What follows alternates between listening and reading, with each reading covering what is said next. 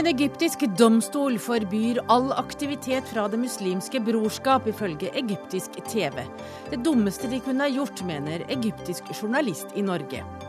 Brakvalg for Angela Merkel i Tyskland, men hva betyr det for resten av Europa, spør Dagsnytt 18. Og Maria Reinertsen ser norgeshistorien fra kjøkkenbenken til Henriette Skjønberg Erken. Men var den store kokebokforfatteren egentlig en juksemaker? Det undrer matekspert Andreas Viestad.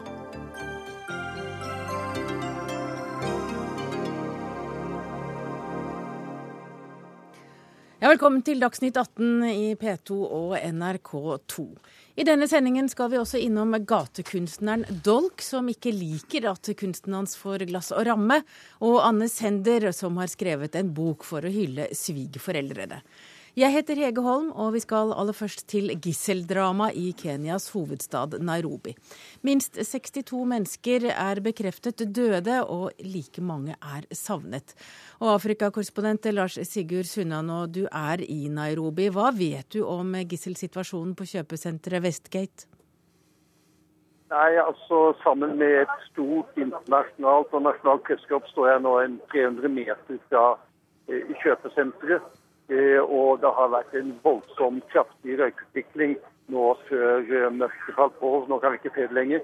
Men det er klart at det herjer nå en brann i dette kjøpesenteret, hvor det da befinner seg terrorister, gisler og kenyanske sikkerhetsstyrker som da støttes av både amerikanske, britiske og israelske spesialsoldater. Så dette dramaet er langt fra over, og, uh, men det er svært sparsomt med opplysninger som kommer ut om hvordan det går med eventuelt eh, frigjøringen av gislene inne i kjøpesenteret. Hvorfor er det så vanskelig å få kontroll over situasjonen? Ja, for det første er det et, et stort kjøpesenter med eh, 80 butikker, eh, restauranter og kafeer og en lang rekke kontorer. Så akkurat som det var mulig for mange av eh, de handlende og besøkende å, å gjemme seg for terroristene, så er det også mulig for terroristene å skjule seg i mange steder i dette bygget. og slik at man må gå nærmest fra dør til dør, kontor til kontor og butikk til butikk for å få kontroll over situasjonen eh, slik sikkerhetsstyrkene ser det. Hva vet vi om gisseltakerne? Nei, Vi vet vel at de er eh, enten medlemmer av den eh, somaliske islamistiske opprørsbevegelse Al Shabaab, eller tilhengere av den. Eh, den eh, kenyanske innenriksministeren Josef eh, Lenko sa i dag at det også er flere nasjonaliteter med i gruppen som har som stormet kjøpesenteret for tre dager siden. Men det er helt klart at dette er en Al Shabaab-operasjon. Veldig mye for de som hevn for at Kenyas her gikk inn i Sør-Somalia i oktober 2011 for å drive Al Shabaab ut fra bl.a. havnebyen Kismayo. Og det er også et angrep for å markere at Al Shabaab fortsatt er en slagkraftig terrororganisasjon på den internasjonale arenaen. Men hva er det de vil oppnå ved gisselaksjonen eh, på Westgate? Nei, Først og fremst tror jeg for å, for å si, skaffe medieoppmerksomhet, fortelle verden at de er fortsatt oppegående, selv om de er på vikende front militært i Somalia. Ja, Stig Arle Hansen, du er førsteamanuensis ved Universitetet for miljø og biovitenskap, og du har fulgt nettopp Al Shabaab over flere år. Du har også vært på kjøpesenteret Westgate. Eh, nå hørte vi Sunnane si her at dette var en hevn, er du enig i det? Ja, jeg er faktisk veldig enig i det. Altså, Kenya har vært veldig viktig for nederlagene til eh, Shebab internt i Somalia.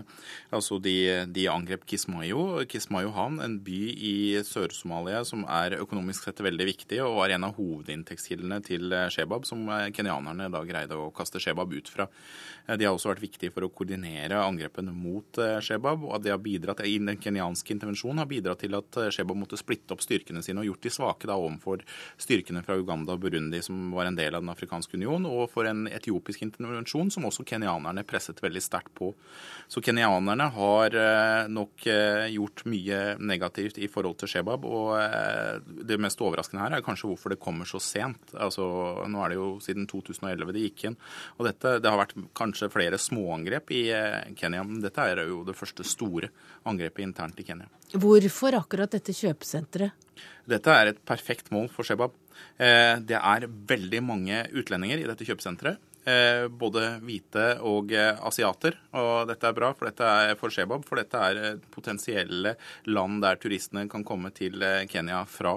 Man signaliserer at Kenya er utrygt. En, en ting er at man virkelig agerer og viser at man er i stand til å gjøre dette her. En annen ting er at dette kan ha store ringvirkninger for kenyansk økonomi. Og det har vi også sett kenyansk politisk ledelse har gått ut nå og kommentert. For det, dette kan gå utover turismen. Og turismen er veldig viktig for Kenya. Altså det er 20% av de utenlandske valuta som kommer inn i Kenya, som er generert via turismen.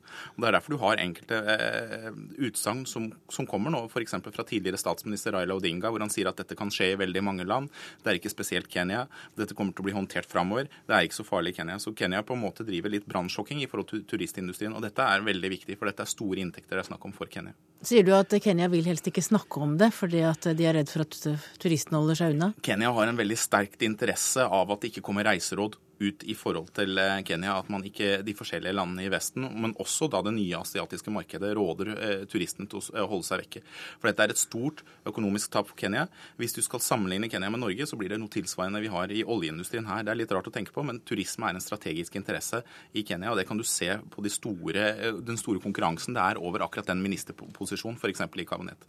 Men, men, men Al Shabaab kobles jo også til Al Qaida. Hvilken link er det?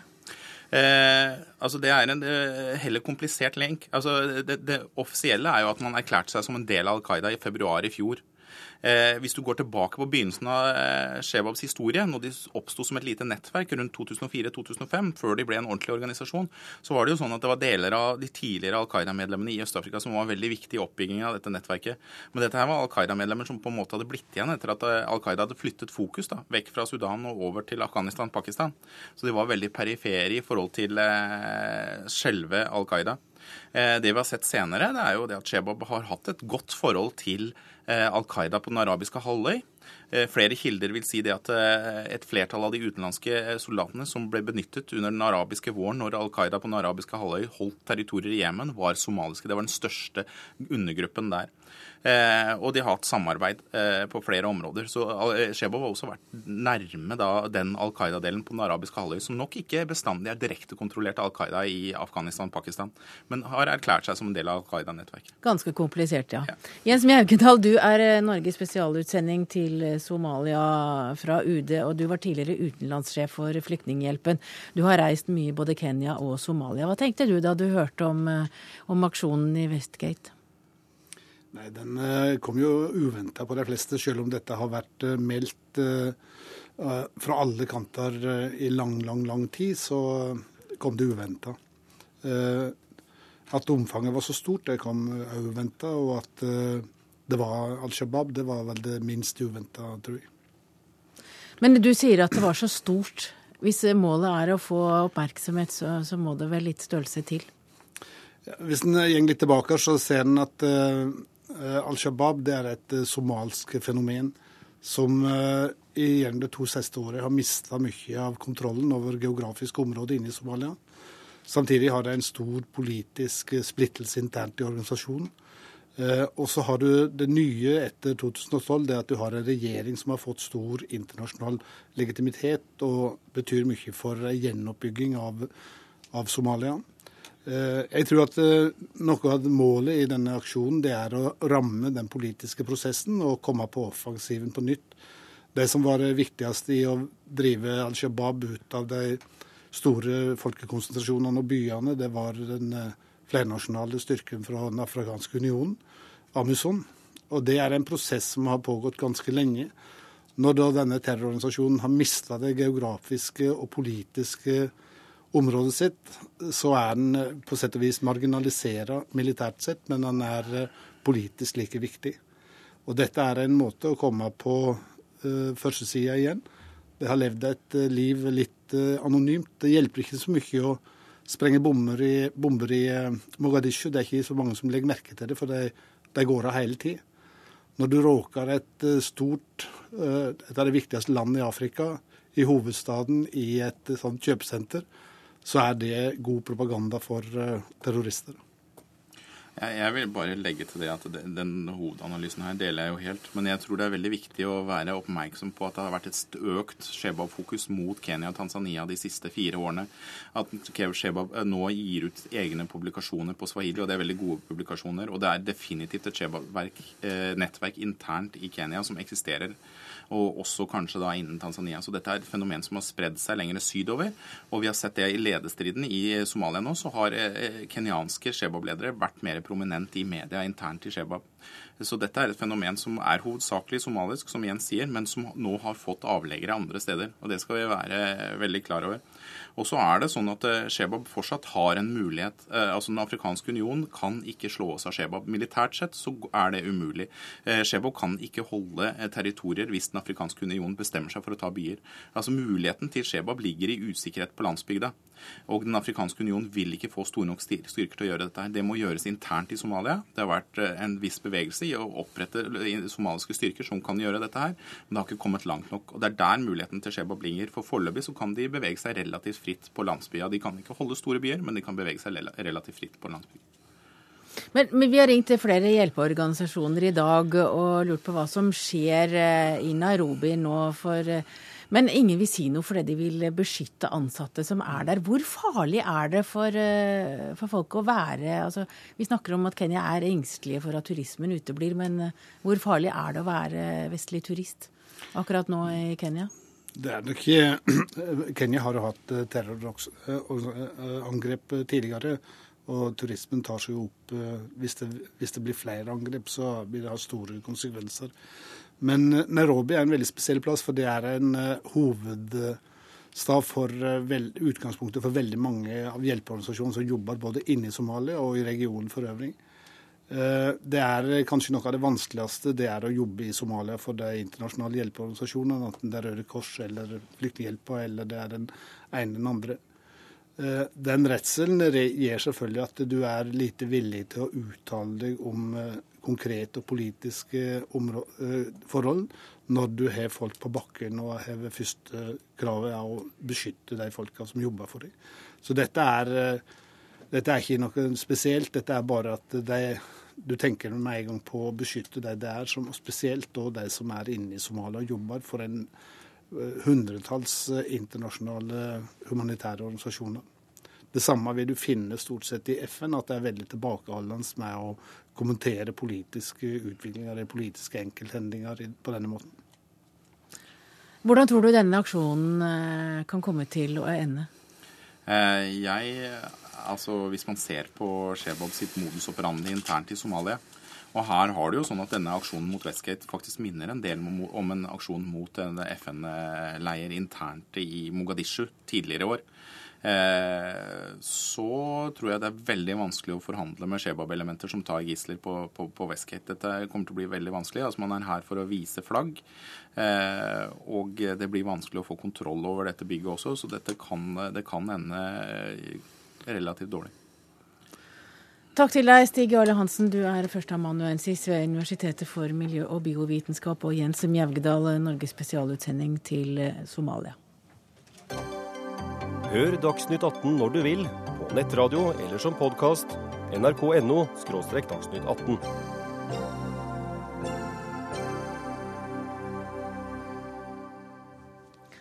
Terroraksjonene mot ungdommene på Utøya og regjeringskvartalet i juli 2011 kom ikke like uventet på den jødiske minoriteten i Norge som på oss andre. De norske jødene har opplevd å bli pustet i nakken av folk som vil dem vondt ganske lenge.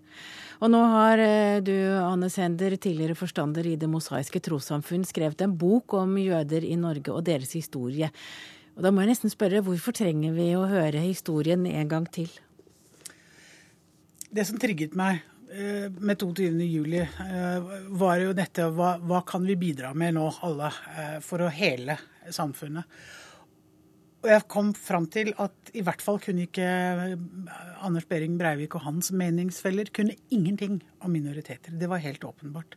Så det å få hverandres historier under huden, hvordan minoriteter lever, hva vi er opptatt av, hva vi reagerer på, hvordan vi tenker, eh, og hvordan eh, livet er i det, å være minoritet i et storsamfunn, det var min tanke. Og det vet vi at vi lærer av. Vi vet at vi kommer nærmere hverandre når vi lever nettopp ser hverandre. Og Du har da skrevet en bok, og du har eh, bl.a. skrevet den for også å hedre svigerforeldrene dine, Markus og Ester. Hvorfor det? Eh, fordi For meg personlig ble de veldig, veldig viktig. Jeg har en rufsete bakgrunn, og jeg fikk plutselig servert eh, et par svigerforeldre som var helt fantastiske. Enkle, snille, varme mennesker som hadde vært gjennom det ufattelige, og som allikevel greide å bruke alle sine krefter sammen med menigheten på å bygge opp både seg selv og menigheten igjen til å bli en livskraftig, lojal eh, minoritet eh, som vil være med på aktivt å gjøre Norge til et bedre sted å bo enn det de hadde erfaring med. Kan du utdype litt deres erfaringer? De ble jo fullstendig sviktet under krigen, ikke sant. Markus var kommunist, så han var med i det kommunistiske nettverket. Eh, og de begynte jo flyktningruter før Emilorg gjorde. Eh, og jødene var den første gruppen som ble eh, plukket ut og måtte levere inn lister, fratatt radioene. Og så vet vi jo hva som skjedde de ble jo tatt, og nesten halvparten ble sendt til Tyskland. Så Ester og Markus var de eneste fra sine familier som overlevde, fordi de rømte til Sverige. Men de likte det ikke, men de gjorde det? De gjorde det. De måtte reise fra familiene sine fordi de forsto hvor uh, alvorlig situasjonen var, men det gjorde ikke resten av deres familie. For å forstå litt din bakgrunn først. Du er konvertitt. Du er egentlig vokst opp som en helt alminnelig norsk jente i en legefamilie i Skien. Du hadde fire søstre. Og du valgte å konvertere til jødedommen. Kort, hvorfor det? Vi traff på et eh, miljø som eh, barn um, som hadde traumer og krigshistorier, hadde vært i leire selv og som også fortalte om, om de opplevelsene eh, som de hadde med å sitte sammen med andre jøder i leirene. Så eh, vi hørte om det ganske tett på. Eh, jeg leste mye. Vi hadde, som mange andre i min alder, eh, familie som hadde vært aktive. Men jeg var så religiøst søkende, og jeg traff veldig tidlig min svigermor, rett og slett. Eh, så Ester. Alle, mine, min svigermor Ester. Så alle disse tingene smelta sammen. Um, og jeg opplevde jødedommen som en barsk og realistisk og troverdig religion, med min barske bakgrunn. Og så traff jeg simpelthen da min mann, som eh, var litt eldre enn meg, og som eh, Som jeg falt for med en gang, og, og, og, vi ble aktive og har vært det hele tiden siden i, i samfunnet. Men hvordan er det å være aktiv og ha vært aktiv jøde i Norge? Altså, du er født på 50-tallet, og du var ungdom på 60- og 70-tallet. Og du var da og konverterte til jødedommen. Det kan jo ikke ha vært så enkelt? Men det er ikke så vanskelig heller. Eh, jeg var aldri eh, med, med, fordi vi hadde den bakgrunnen vi hadde, så jeg var aldri sånn inn Jeg var aldri med på 70-tallets glade, hyppige tid. Jeg var ikke noe glad for det. Sånn at jeg var glad for å finne en ny plattform hvor det var klare rammer, eh, og hvor man nettopp var opptatt av å være noe mer enn bare seg selv. Um, konverteringen var, eh, var, nok ingen i familien som hadde forventet at jeg faktisk tok skrittet fullt ut. Uh, og, litt motstand sånn i starten, men så gikk det helt fint. Og så har du vært aktiv i det, altså i menigheten i Oslo, i Det mosaiske trossamfunn. Og du har eh, ikke bare gjort det, for du har også bodd i Øst-Jerusalem, i de palestinske områdene, og vært observatør der. Og når man snakker om jøder i Norge, så må vi også snakke om Midtøsten-konflikten. Og hva opplevde du i når du da var i Øst-Jerusalem som eh, en jøde? Alle dilemmaene som dette, denne konflikten har, det er to folk som begge hører til. Det er to folk som må få en framtid. Det er to folk som, som nå har, en, har, et narrativ, en historie, eh, som de må få plass til. Og jeg innrømmer at jeg har, har mest vært opptatt av å, å, analysere kan du si, de, de, geopolitiske. Det er jo en svær regional eh, problemstilling. Du kan ikke liksom bare plukke ut den ene og sette lys på det og si du er snill og du er slem, og den er den stygge og den er den snille. Men det, så mitt behov var rett og slett å, å, finne ut av hva er det som gjør at denne hverdagen går rundt? Hva er det de opplever til daglig? Har de kontroll over livene sine? Hvilke drømmer har de, og hva får de til? På individnivå. Og det ble sterkt. Fordi det er jo der livet leves som, som, de gjør alle andre steder. Og det er jo ikke tvil om at, at eh, styrkeforholdet er svært forskjellig. Når du er i Øst-Jerusalem, så forstår du at det er Klart, en og nettopp det at de ikke hadde kontroll over sin egen hverdag. At det var eh, kontroll på mobilitet, på hva de var mulig å gjøre, hvor de kunne reise, hvor de ikke kunne reise. Eh, det ble en sterk opplevelse, ja, så, så jeg opplevde veldig tydelighet på at Israel må gjøre det også for sin egen del. Det er ødeleggende for Israel å holde et annet folk på denne måten. Det er ødeleggende for Israels sjel å ikke greie å løse denne konflikten. Og denne fullstendige mangelen på tillit mellom to parter. Eh, vi må også ikke glemme at den andre parten ikke eh, greier å uttrykke rett og slett en aksept for at jødene må ha rett til å være der. Men vi må begynne et sted. Eh, og jeg tror at det lar seg gjøre. Det mennesker har skapt, kan mennesker skape om igjen. Er det problematisk å være jøde i Norge og hele tiden måtte forsvare Israels politikk? Ja. Det har vært krevende. Fordi mange blander, og, og, og, og det er antisemittisme her. Nå vet vi det det er jo HL-senterets undersøkelse. Det er krevende for folk å vite forskjell på det ene og det andre. Ehm, men vi må også ta ehm, et ansvar selv med å være flinkere til å, å prøve å skille det.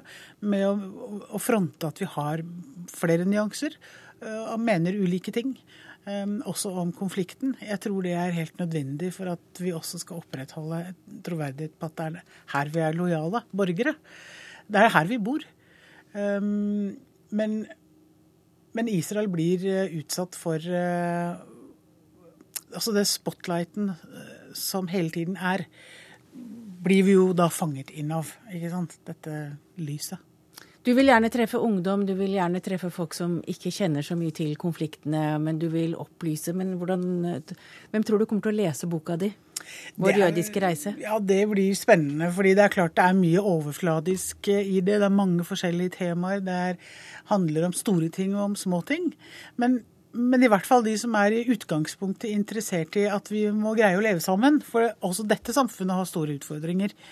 Um, selv om vi har fått til mye, så har vi nå sett med 22.07 at vi har veldig mye igjen å gjøre. Takk til deg, Anne Senner. Du er altså forfatter av boken 'Vår jødiske reise', som da kommer ut i dag.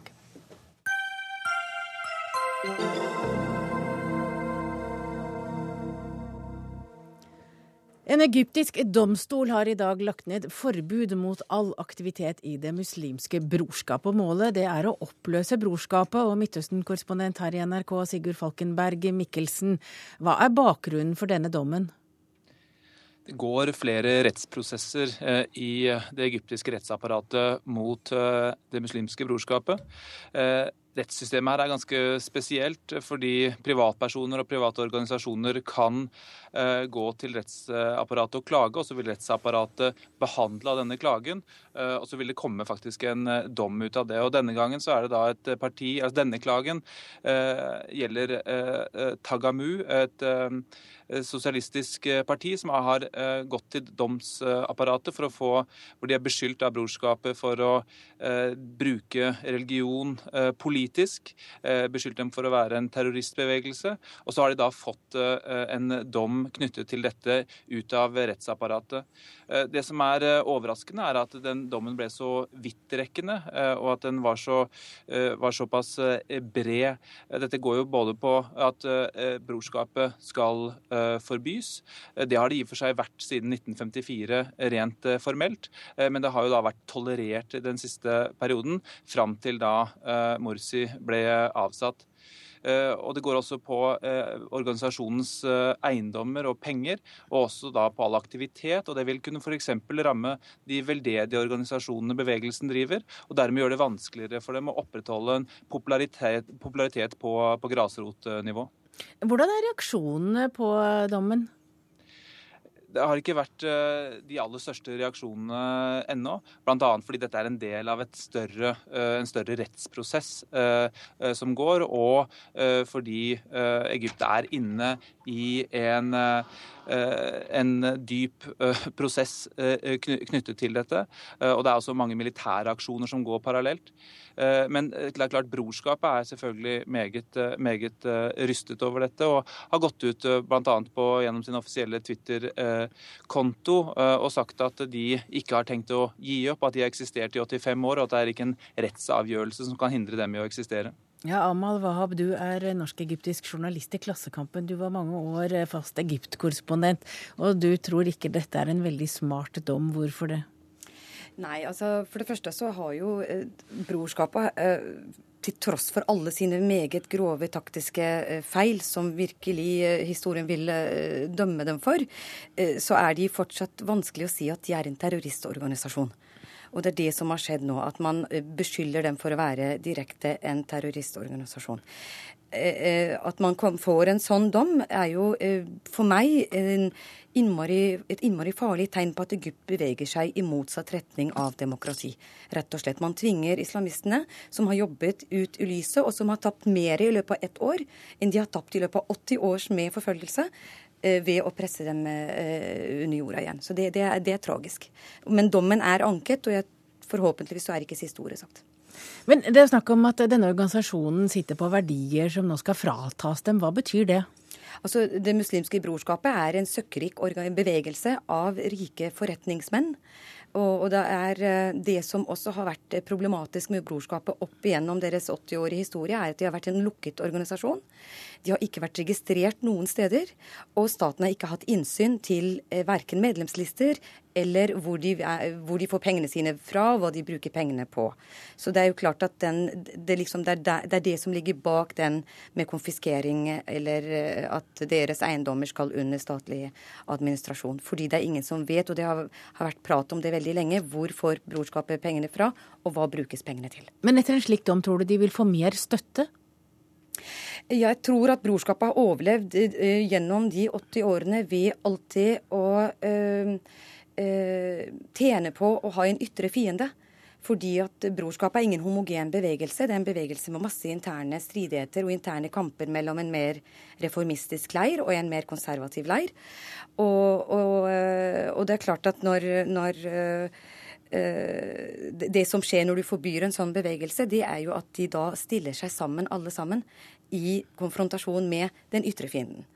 Så det den dommen også gjør, det er på en måte å sperre veien for reformistene, som jeg mener ville fått makt i løpet av de kommende årene. For det foregår en slags sånn eh, reevaluering, og det er mange misfornøyde eh, brorskapsmedlemmer eh, innad i organisasjonen som er meget misfornøyd med ledelsen. Men, men sier du nå altså at eh, denne dommen i dag den vil hindre en eh, demokratisk utvikling i Egypt? Ja, den er jo udemokratisk. Du kan ikke bare forby en slik bevegelse når vi vet Vi vet jo ikke akkurat hvor mange medlemmer vi har, men det anslås at det er et sted mellom 500 og, og kanskje 800 000 medlemmer. Altså, den, den politiske tilhørigheten og deres politiske ideologi forsvinner jo ikke ved at du forbyr dem den fortsetter å eksistere under jorda og får attpåtil en sånn offerstatus som de alltid har tjent på. Så du tror at i neste omgang så vil, eh, så vil på en måte historien gjenta seg? Ja, jeg tror dessverre eh, så sant, og det har ikke skjedd hittil, for det er en stor skuffelse av store deler av eh, de sivile eh, demokratiske kreftene i landet som faktisk støtter, som faktisk har gått til sånn som Tagama-partiet, som jo er et sosialistisk parti, som da har gått til rettssak for å forby det. Så det store deler av en demokratisk bevegelse skjønner faktisk ikke hva demokrati er, og det er at man ikke kan forby en, en så stor bevegelse, inkludert deres politiske parti. Takk til deg, Amal Wahab. Du er altså norsk-egyptisk journalist i Klassekampen. Og takk også til Midtøsten-korrespondent her i NRK, Sigurd Falkenberg Mikkelsen.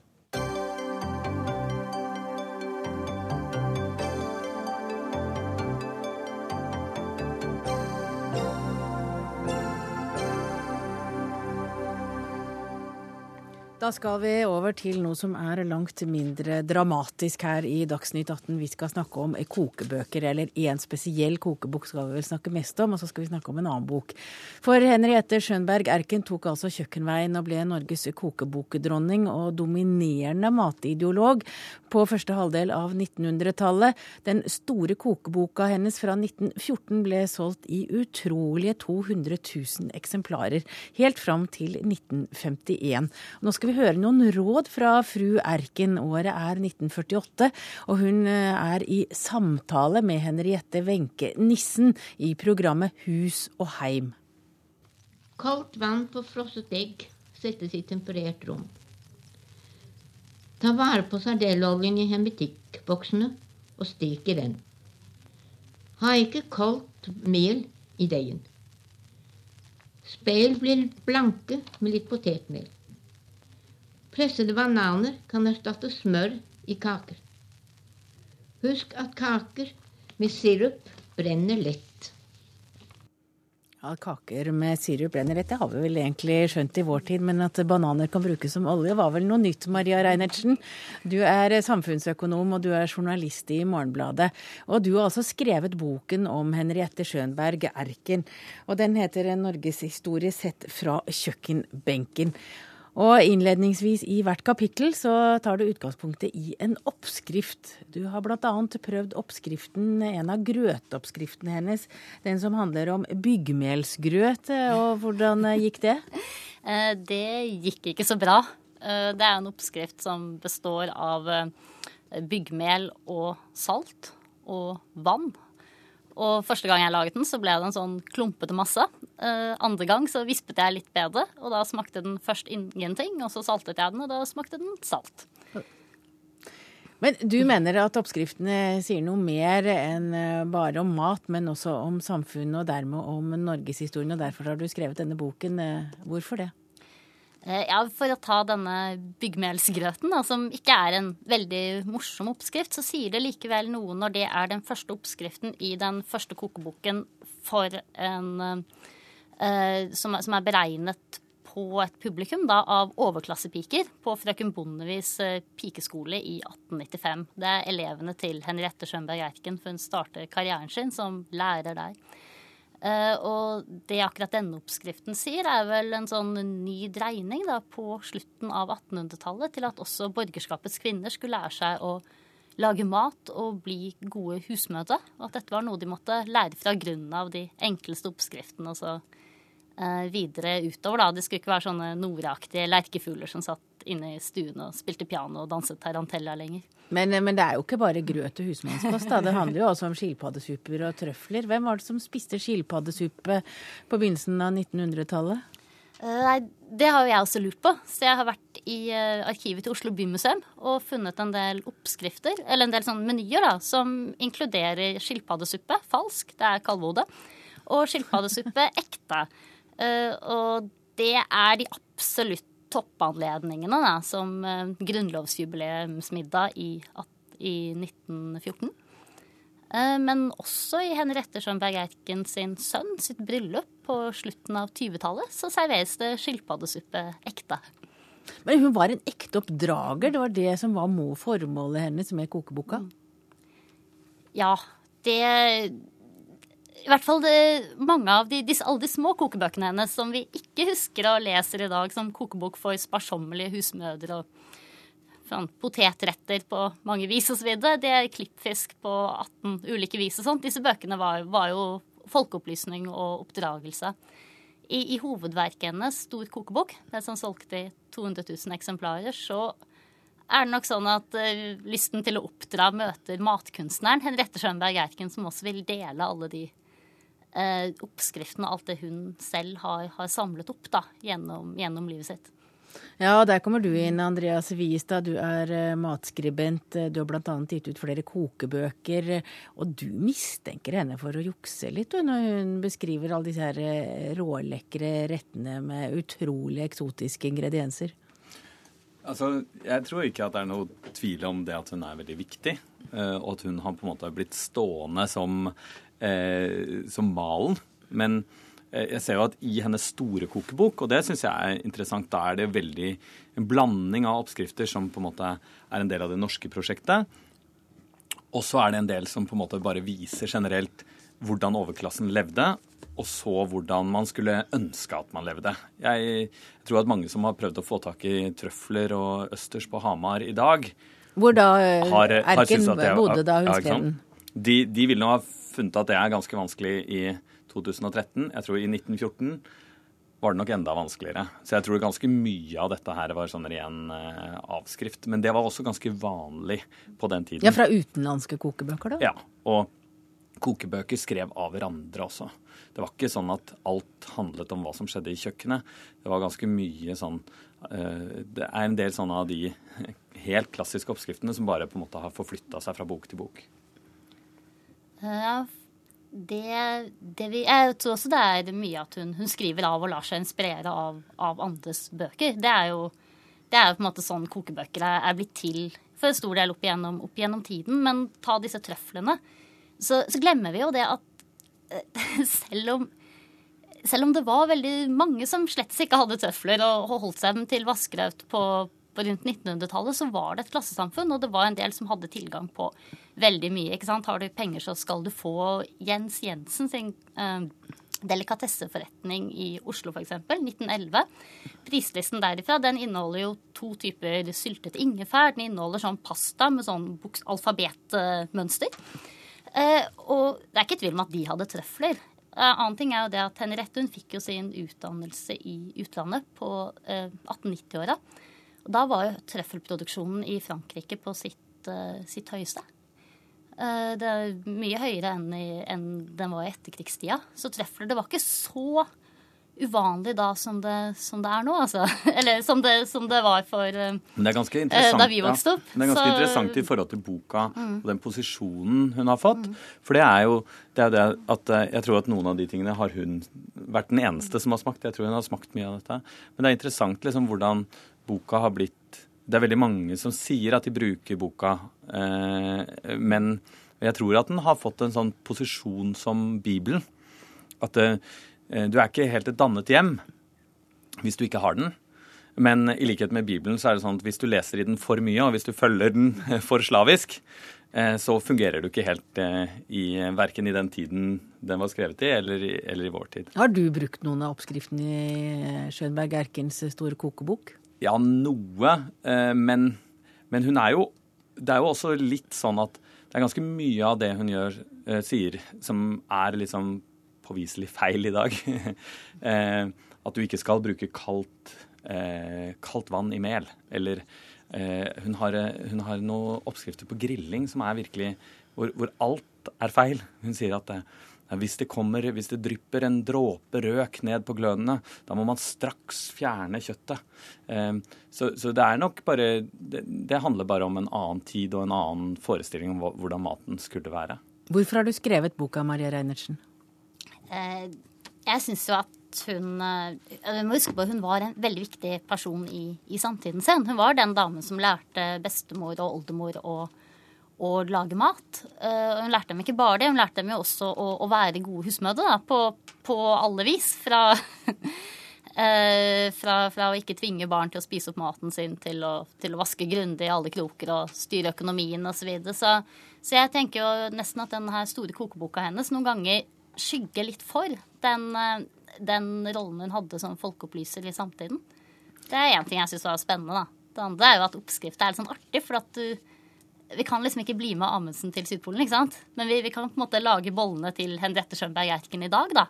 Eller, eller koke pastaen i 20 minutter, sånn som hun vil gjøre. Og så, så er vi tilbake i 1914. Og hun hadde også noen råd til de helt unge. Noen få ord til de unge. Husk, lykken ligger ikke i det man får, men i det man gir. Målet var å få gitt alle de hundrede, tusende, titusende kvinner viten og kjærlighet til hjemmets gjerning. Det er ikke å kreve og kreve, men å yte.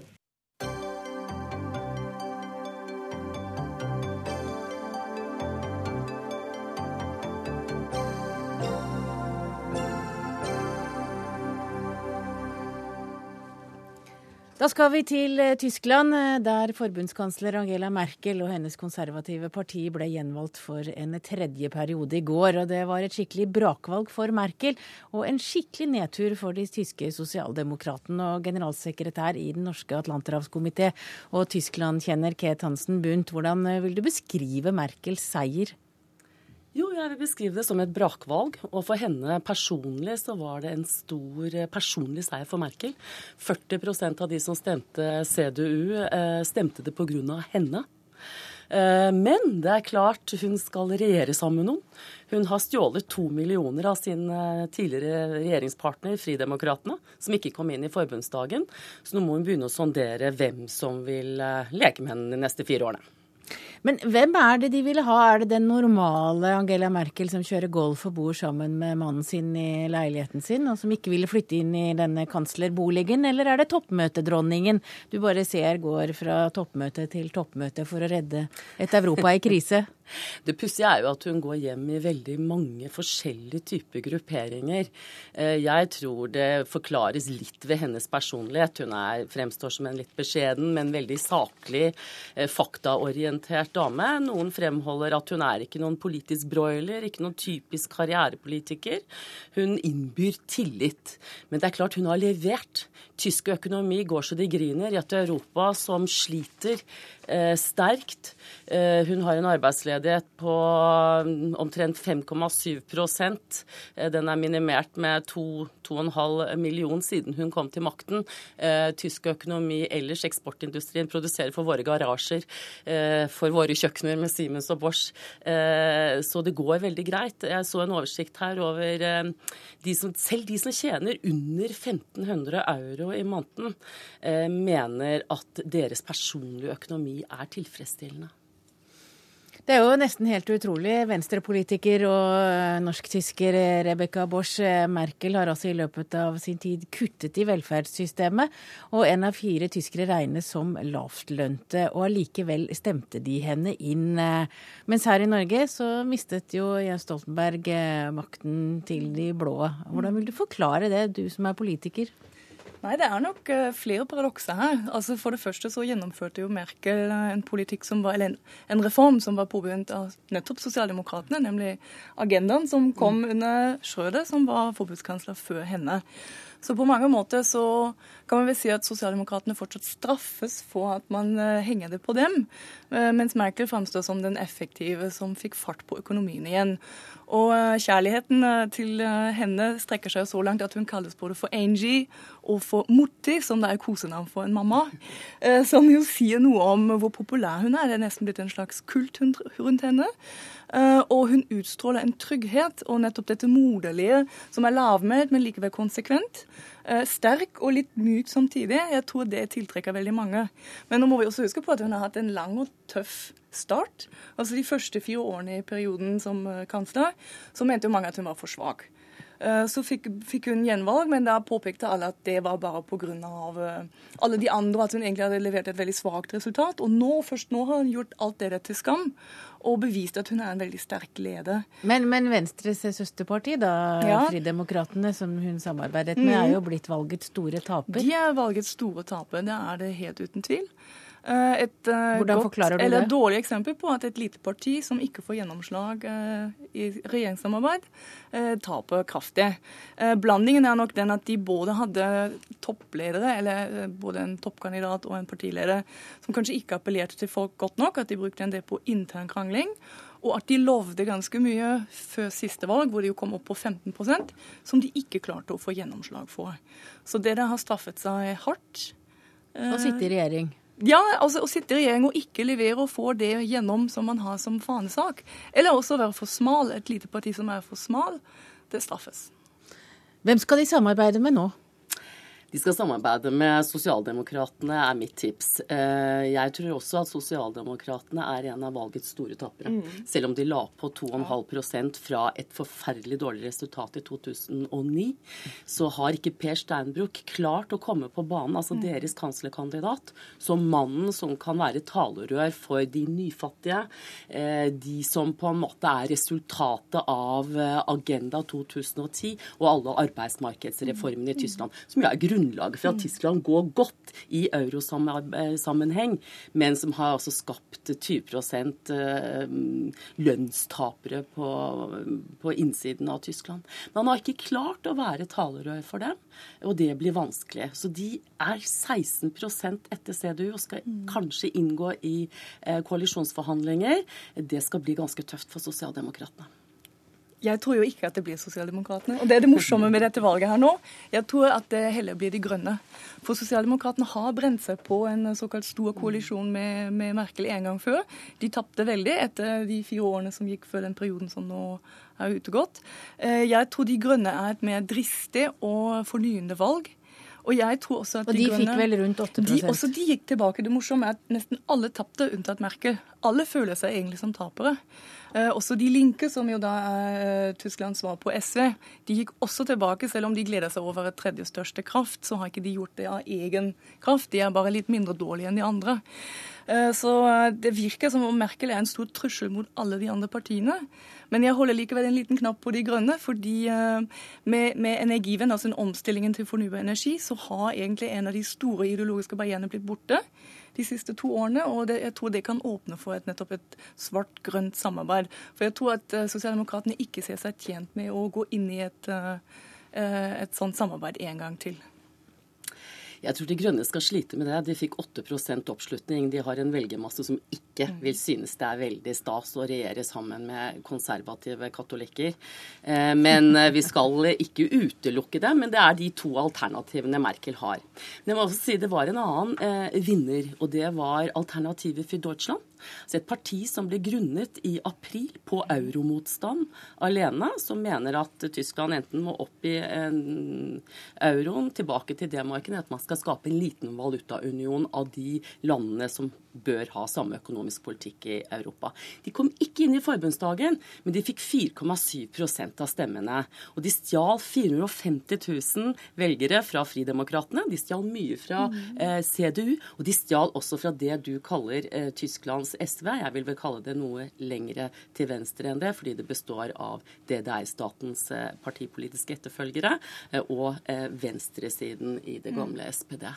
Men altså, de tapte også til dette partiet. og det er en nyvinning.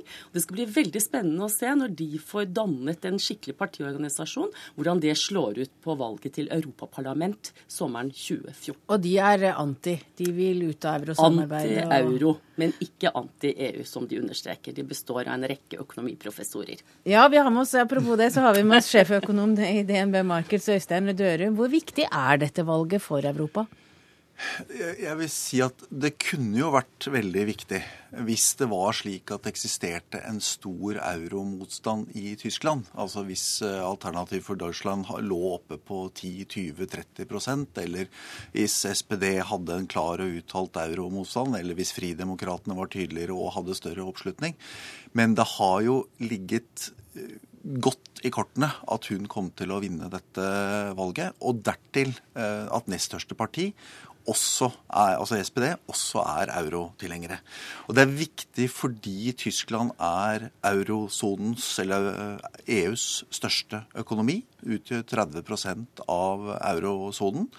Og Tyskland er det landet som mer enn noe, tror jeg kan si, kan sitte med fingeren på knappen og bestemme om euroen skal eksistere eller ikke. Tyskland oppga sin sterke valuta til fordel for en felles valuta på Eh, ganske klare vilkår. Vilkår som senere er tøyd, for å si det forsiktig.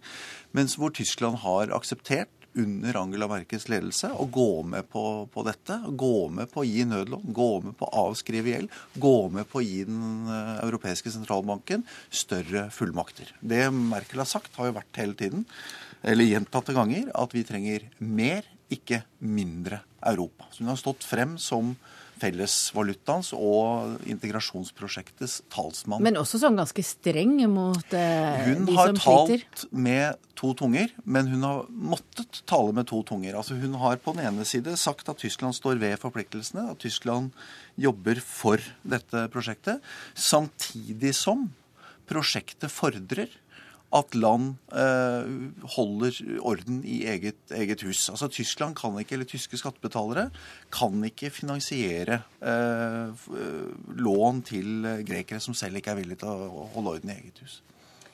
Jeg tror jo, altså Det er helt riktig som du sier, at det er stor oppslutning om euro i Tyskland. Og jeg personlig tror at uh, dette nye litt populistiske partier ganske snart faller sammen igjen. De har bare én sak på agendaen, og det er den motstand mot euroen. Altså, De har ikke engang klart å manne seg opp til en klar motstand mot EU som prosjekt.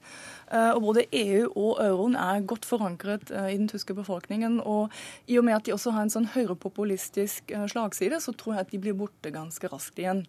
Vi har jo også sett et annet eksempel. Det er Piratpartiet, som var den store vinneren for to år siden. De kom inn i et, et, et par delstatsparlamentet og ble ansett som den store stjernen blant partiene som ville i hvert fall komme inn eh, i Bondestag. og de eh, ble jo, jeg tror de kom på 2,2% Så uh, nye partier er det aldri enkelt å etablere, og jeg tror i Tyskland er det særdeles vanskelig. Men det at Merkel nå blir sittende, hva tror du, hvilke konsekvenser tror du at det vil få for uroen og finanskrisa i Europa? Jeg tror ikke hun vil komme til å endre politikk noe særlig i det hele tatt. For hun har hele tiden avstemt sin europolitikk i forbundsdagen. Så sosialdemokrater og De grønne og de andre har stemt for hele den eurolinjen hun har holdt de siste fem årene. Eh, så jeg tror ikke vi vil se så store endringer. Men det er klart at når valget er over, så vil man få fokus på arbeidet i EU igjen. Eh, eurokrisen er jo ikke over. Og jeg tror at eh, alternativet for Deutschland, om de overlever eller ikke, er det finansmarkedene som vil avgjøre. Fordi Frankrike sliter. Gjelden er ikke borte. Og om man finner en varig løsning på det strukturelle problemet man har i eurokrisen, det gjenstår å se. Men jeg tror ikke hun kommer til å gjøre så veldig mye annerledes enn det hun har gjort. For hun tror på den politikken hun har ført, og hun fikk jo gunstige tall i midten av august, hvor det viste til vekst både i Tyskland og i eurosonen som helhet. Altså 0,3% men det er dog vekst i forhold til hva som har vært de siste to årene. Så uansett så kan jeg i hvert fall si at det har vært en, en stor seier for Angela Merkel personlig og CDU, og så får vi se hvem andre som får være med å samarbeide. Om det blir De Grønne eller om det blir Sosialdemokratene. Takk til deg, Øystein Dørum, sjeføkonom i DNB Markers, Rebekka Bosch, du er venstrepolitiker, og Kate Hansen Bundt, generalsekretær i Den norske atlanterhavskomité.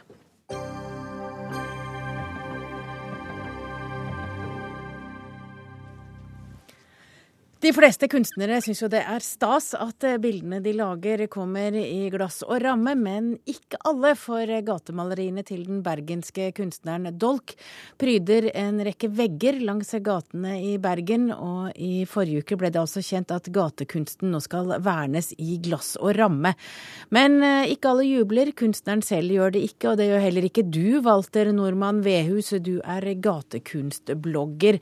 Hvorfor mener du at det er feil å verne disse gatemaleriene? Nei, altså det er mange grunner til at det er en dårlig idé å, å, å verne disse stensilene til dolk. Altså, Bergen kommune eh, vedtok jo en gatekunstplan for et par år tilbake, eh, der de hadde som mål at det skulle bli en beste, altså det skulle bli gatekunsthovedstaden i Norden. Eh, og det er veldig mange ting på den planen som ikke er, eh, som ikke er gjennomført ennå. Det er 50 000 kroner som kunne vært brukt på veldig mange andre ting enn enn et prosjekt som dette, som føles litt, litt bakstreversk, rett og slett. Bakstreversk, hva mener du med det? Ja, altså, altså Dolk har jo betydd veldig mye for, eh, for gatekunstscenen i Bergen. Og det er jo eh, tvilsomt om, om, om, dolk, om den gatekunstscenen hadde vært så rik hvis det ikke var for Dolk. Men likevel, altså dette er ting som ble lagd for sånn fem-seks år tilbake, som har fått stå i byen så lenge. Altså, gatekunst er jo et veldig flyktig en veldig flyktig kunstform. Um, og det syns du det bør være? Det bør være det, rett og slett. Bør, eh, ting bør forsvinne, og det bør gi plass til, eh, til, nye ting. Vi ville jo gjerne ha med Dolk i sendingen i kveld, men han ønsker fortsatt å være anonym og vil ikke være med på radio. Hvorfor er det så viktig for han å være anonym? Altså, det er jo vanlig for, eh, for de fleste gatekunstnere å ønske å være anonyme, fordi de starter jo med å male på vegger uten å spørre om lov. Men eh, nå vil jo kommunen verne kunstverkene hans. Ja, de vil det. De har jo ramma inn et allerede, faktisk. Eh, for et eh, par år tilbake eh, så ramma de inn et dolkkunstverk. Men Nei, jeg vet ikke. Det, virker litt pussig. Det kan nesten virke mot sin hensikt at kanskje folk får, får nok av dolk. Og fortsetter å dvele ved dolk når det er så utrolig masse flott som foregår på gatekunstscenen i Bergen. Det er jo kunstnere som har et enda høyere nivå enn det dolk hadde da han lagde disse tingene her. Vi har ikke med oss Bergen kommune, men vi har med oss deg, Christian Hundevatt, eh, i kunstveggen.no. Du er initiativtaker til å bevare gatekunsten til Dolk, og nå hører vi her at det syns han ikke er så god idé. Eh, hvorfor syns du at det er viktig å bevare disse verkene? Eh, det er jo en viktig del av, Bergens kulturarv. Jeg husker selv når jeg kom til Bergen for et par år siden som student, og ikke hadde så stor kjennskap til kunst, og så verkene til Dolk rundt om på gaten i Bergen. Og det fikk meg interessert i kunst. Og nå ser vi, eh, med Dolk sin popularitet, som har økt kraftig siden 2010, og særlig nå med utstillingen han hadde i Bergen, og hvor mye publisitet det har skapt, at det er enorm interesse rundt Dolk. Og det skaper også høyere risiko for eh, hærverk på eh, kunsten hans, samtidig som de også er slitt av vær og vind. Så vi ønsker å preservere kunsten på gaten, slik at fremtidige generasjoner og fremtidige bergensere kan få nyte godt av Dolk sin kunst på veggen. Men, eh, men, du er jo da egentlig litt bakstreversk, du, akkurat som Bergen kommune, i hvert fall hvis jeg skal tro eh, eh deg, Walter Nordmann Veus? Nei, bakstreversk vil jeg absolutt ikke si. Som vil ta vare på gatekunst som egentlig skal være foranderlig og forsvinne? Ja, Det er jo ett syn på det. Når gatekunstneren maler på offentlige vegger, så sier han fra seg retten, og da er det opp til det offentlige å, å på en måte be, gjøre med den gatekunsten som de selv vil. Nå har gatekunsten til Dolk fått vært ute i Bergen så lenge, opp, så, eh, så lenge som opptil ti år. Så den har allerede fått det gatekunstpreget, og nå begynner den å forvitre. Eh, og da er det viktig å ta vare på de motivene, mens de fortsatt noenlunde er hele. Ja, Hvorfor er det noe galt i det? Når noen syns det er vakkert, noen vil ha det, noen syns det er betydningsfullt, det Dolk har gjort i Bergen? Um altså, du, tar, du, tar, fra gatekunsten en god del av det som, som gjorde den spesiell i utgangspunktet, hvis du, hvis du, setter det inn i glass og ramme på den måten. Dolk sjøl kalte det vel å, kalle, å, å sette kunsten i respirator. Um, så, men altså, hvor skal man sette grensa? Ok, dolk, dolk, gjør det stort internasjonalt nå. Vi skal ikke overvurdere hvor viktig han egentlig er i gatekunsten. For uh, altså, han har ikke kommet noen store nyvinninger sånn sett. Um, så altså, hvis han begynner å lage gatekunst i Bergen igjen nå, skal vi, skal vi løpe etter han med glass og ramme og ramme inn alle de nye tingene han lager? Hva med, hva med Argus? Hva med John XC, som kanskje om et par år har like stor status? Skal vi ramme inn de også? Skal vi ta vare på de? Ja, Hva mener du, Hundevatt?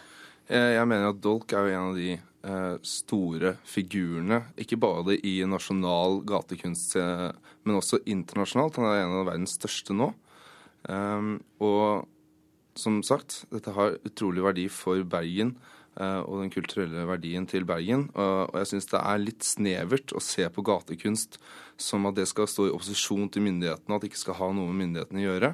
Eh, det er viktig her å spille på lag, og det gjør Bergen kommune med denne planen for gatekunst, hvor de bare i 2013 bevilger over 400 000 til gatekunst og graffitirelaterte prosjekter i Bergen. 50 000 av det er ikke veldig mye, og det at det her får så stor eh, si, publisitet og oppslag rundt om i nasjonal presse, bare beviser hvor stor interesse det er rundt folk sine verker. Ja, Hundevatt, eh, det høres ut som eh, det er eh, mange som syns at Dolks kunst langs bergenske husvegger er mer verdt enn det de syns.